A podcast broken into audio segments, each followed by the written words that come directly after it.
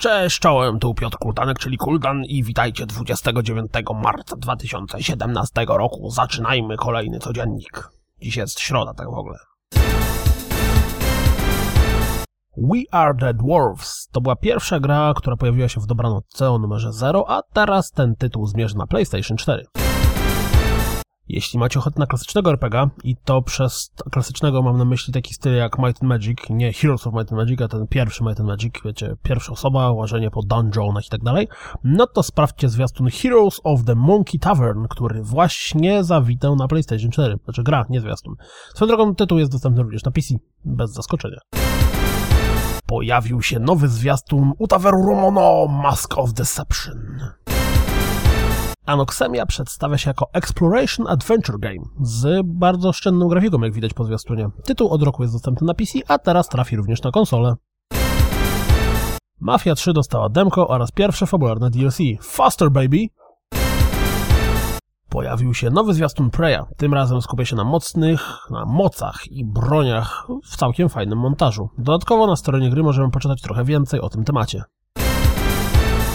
Tak bardzo nie ogarniam nazewnictwa gier z serii Kingdom Hearts, że nie mam zielonego pojęcia, którą częścią z kolei będzie Kingdom Hearts HD 1,5 plus 2,5 Remix. E, tak czy siak nowy zwiastun czeka na obejrzenie. Fabularny zwiastun Syberii 3 prezentuje się następująco. Pojawił się pierwszy mini zwiastun, czy raczej teaser Destiny 2. Mówiąc szczerze, to bardzo chętnie obejrzałbym długą animację w tym stylu. Salt Sanctuary na PlayStation Vita wylądowało w Stanach, ale niestety wersja europejska zaliczyła obsługę. W Late Shift zagramy, czy też obejrzymy go 18 kwietnia. Po pięciu dniach od rozpoczęcia zbiórki All War Must Fall osiągnęło zakładany próg 15 tysięcy funtów na Kickstarterze. Watch Dogs 2 dostanie czteroosobowy update, znaczy grę w cztery osoby w koopie i trochę nowych bajorów w ramach darmowego update'u oraz kolejnego DLC. Jeśli kupicie LEGO City Undercover w wersji na Switcha, to przygotujcie się na przygotowanie 13 GB wolnego miejsca na konsolce na dociągnięcie danych. Co więcej, na pudełku znajduje się napis Internet Required, co jest dosyć interesujące. Jeśli chcielibyście zapisać się do bety Absolvera, to skierujcie się pod podany przeze mnie adres. Czy to nieoczywiste, że w reklamówce Let It Die wykorzystano ten motyw muzyczny?